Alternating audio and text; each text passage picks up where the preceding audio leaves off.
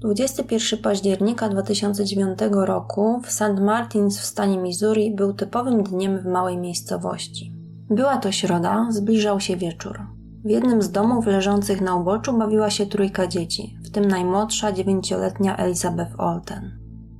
W pewnym momencie do domu Elizabeth zapukała sześcioletnia Emma, jej koleżanka mieszkająca kilka domów dalej, tuż za lasem dzielącym oba domostwa. Zapytała mamę Elizabeth, czy ta mogłaby pójść się z nią pobawić. Kobieta początkowo nie wyraziła na to zgody, pora była już dość późna, właśnie szykowała kolację dla dzieci. Dziewczynki jednak zaczęły błagać ją, by pozwoliła pobawić im się chociaż przez chwilę. W końcu mama Elizabeth ustąpiła i zgodziła się, by dziewczynki pobawiły się razem przez godzinę, ale jej córka miała wrócić do domu przed 18.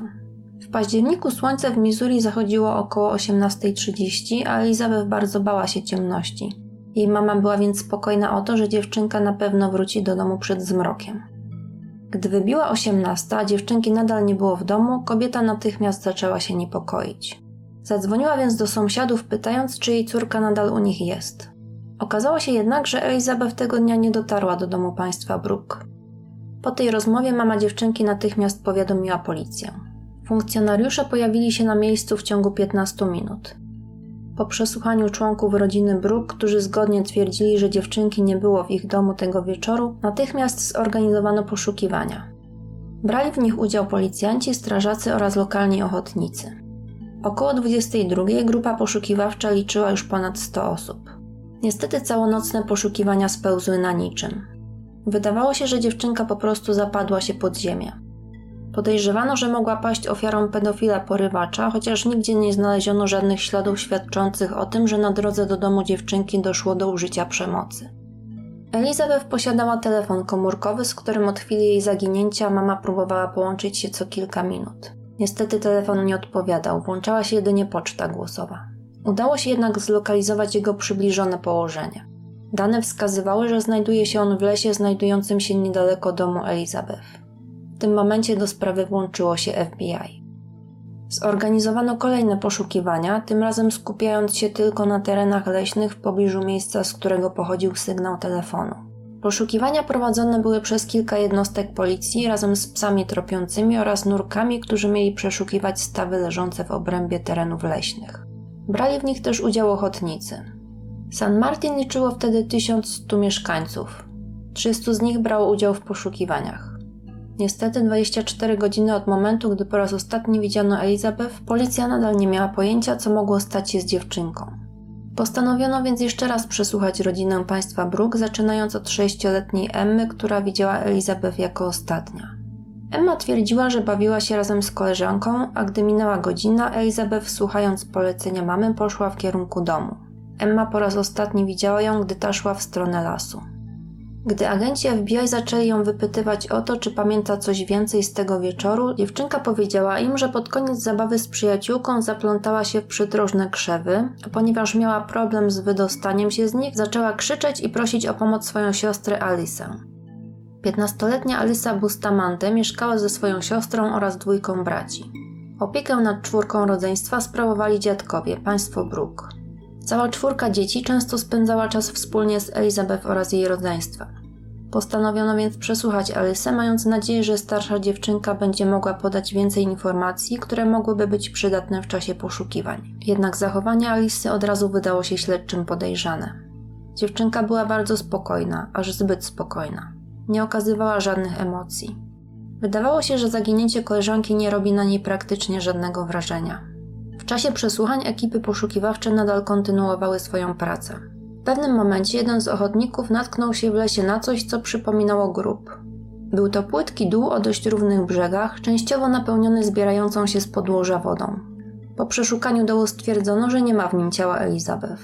Agenci postanowili jednak wykonać, jakby się wtedy mogło wydawać, dość nietypowy krok. Zabrali Alisę na miejsce, w którym znajdował się wykopany dół, chcąc zobaczyć, jak dziewczynka zareaguje na jego widok. Alisa nadal zachowywała się ze stoickim spokojem. Po zobaczeniu dołu oznajmiła policjantom, że to ona go wykopała. Zapytana o to, dlaczego to zrobiła, odpowiedziała: Po prostu lubię kopać doły. Stwierdziła też, że zakopuje w nich znalezione martwe zwierzęta. W dole nie znaleziono ciała Elizabeth ani też niczego, co do niej należało. Nie można było więc powiązać Alicji z zaginięciem dziewczynki, ale fakt, że nastolatka przyznała się do wykopania dołu sprawił, że śledczym zapaliły się w głowach czerwone lampki. Dół posiadał bowiem wręcz idealne wymiary do tego, by pochować w nim ciało dziecka. Wydano więc nakaz przeszukania domu Alisy.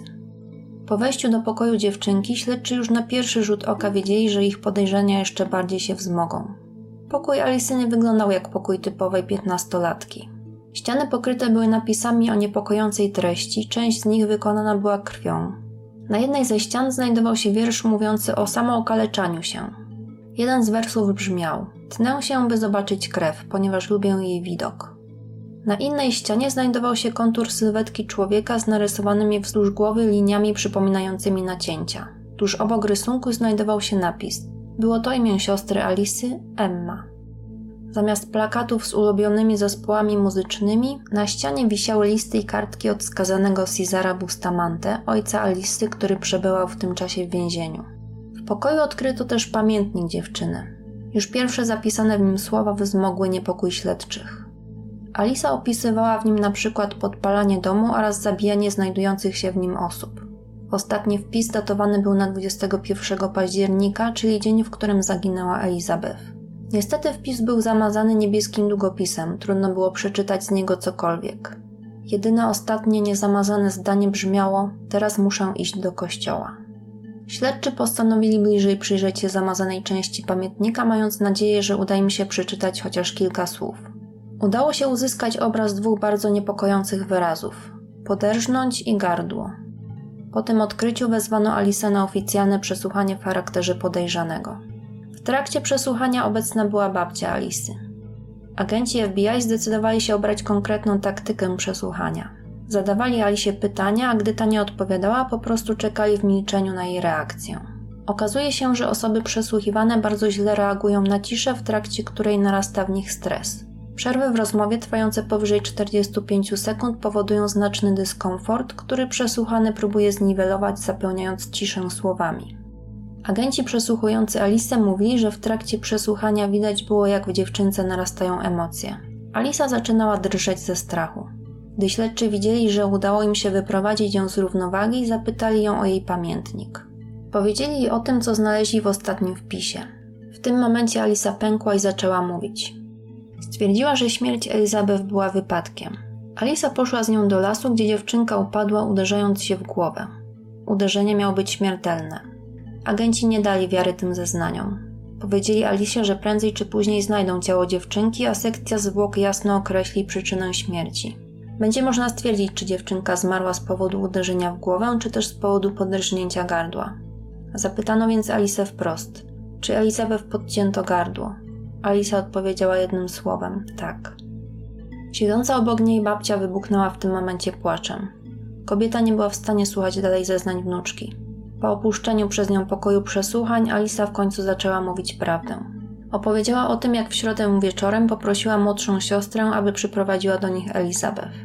Gdy dziewczynka przyszła pod dom Alisy, ta kazała Emmie wracać do domu, zaś Elizabeth poprosiła, by ta towarzyszyła jej na wycieczce do lasu. Obiecała dziewczynce, że ma dla niej prezent niespodziankę. Po 15-minutowym spacerze w kierunku wykopanego wcześniej dołu, Elizabeth zaczęła się niepokoić, ale Alisa nie miała zamiaru jej wypuścić. Zaczęła dusić dziewczynkę, po czym kilka razy dźgnęła ją w klatkę piersiową przyniesionym z domu nożem kuchennym. Na koniec poderżnęła dziewczynce gardło. Następnie wrzuciła jej ciało do dołu i zakopała. Alisa zgodziła się wskazać policji miejsce, w którym zakopała zwłoki. Udała się ze śledczymi do lasu, gdzie faktycznie odnaleziono płytki grób, w którym znajdowało się ciało Elizabeth.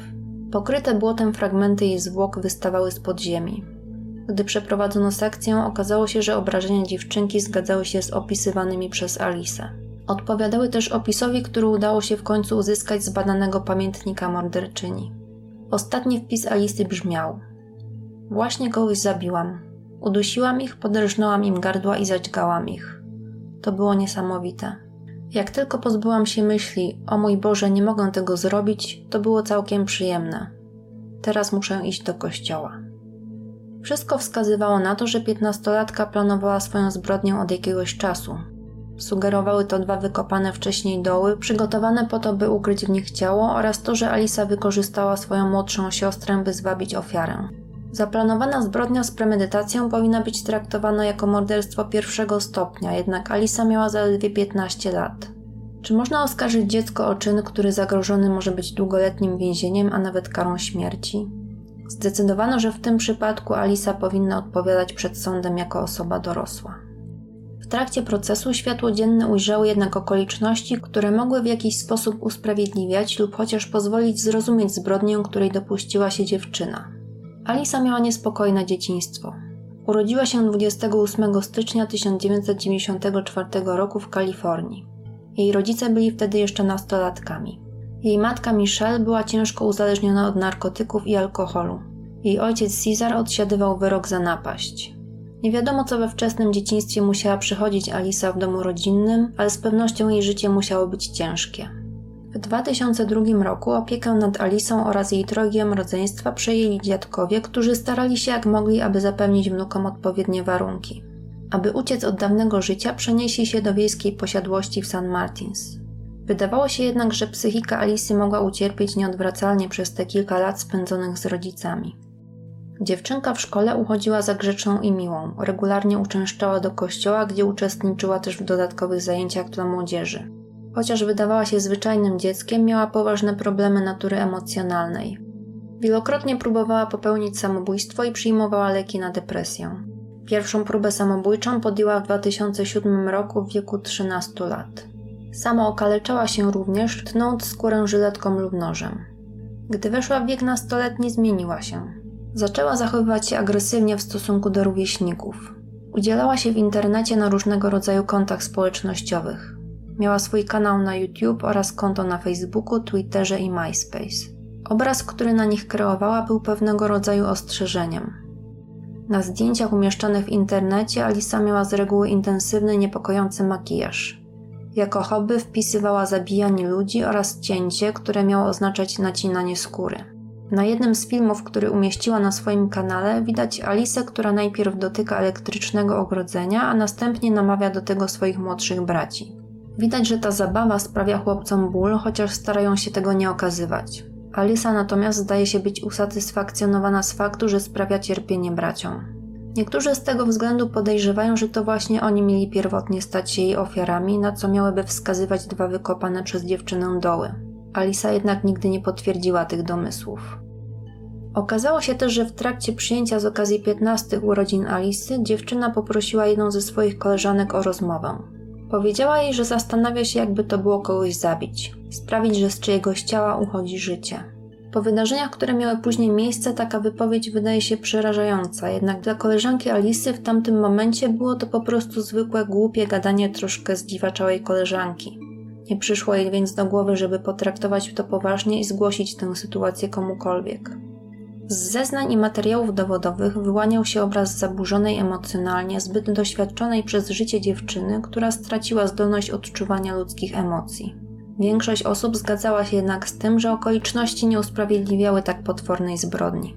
Zastanawiano się, czy jeśli Alisa nie zostałaby złapana, mogłaby powtórzyć swój czyn. Wydawało się, że osoba taka powinna być odizolowana od społeczeństwa. W trakcie procesu doszło jednak do sytuacji, która postawiła pod znakiem zapytania możliwość wydania wyroku skazującego. Okazało się, że zeznania Alisy, w tym jej przyznanie się do winy, nie będą brane pod uwagę, ponieważ jej przesłuchanie jako osoby nieletniej odbyło się niezgodnie ze standardami. Okazało się też, że szykują się w najbliższym czasie zmiany w prawie, których skutkiem ma być brak możliwości skazywania nieletnich na karę dożywotniego pozbawienia wolności bez możliwości warunkowego zwolnienia. Z tego względu prokuratura zdecydowała się iść na ugodę. W 2012 roku Alisa przyznała się do zabójstwa drugiego stopnia, otrzymując wyrok dożywotniego pozbawienia wolności, ale z możliwością zwolnienia warunkowego po 35 latach. Pod koniec procesu Alisa wyraziła skruchę za to, co zrobiła. Zwróciła się do rodziny swojej ofiary słowami: Nie mogę sobie nawet wyobrazić, co musicie teraz czuć. Przepraszam. Jeśli mogłabym oddać swoje życie, by przywrócić jej, zrobiłabym to. Przepraszam. Rodzina Elizabeth nie wierzy w szczerość tych słów. Uważają, że mowa Alisy była przygotowana przez jej adwokatów, a ona sama powinna spędzić resztę swoich dni w więzieniu. Sami starają się, by pamięć o ich córce nie umarła razem z nią. Dziewczynka została pochowana jak księżniczka. powóz zaprzężony w konie zabrał trumnę na cmentarz, a przyjaciele i rodzina towarzyszyli jej w jej ostatniej drodze, nosząc ubrania w ulubionym kolorze Elizabeth. Widać, że lokalna społeczność nie zapomniała o tej miłej i radosnej dziewczynce, której życie przerwano zbyt szybko. Na jej grobie zawsze znajdują się świeże kwiaty, znicze oraz zabawki.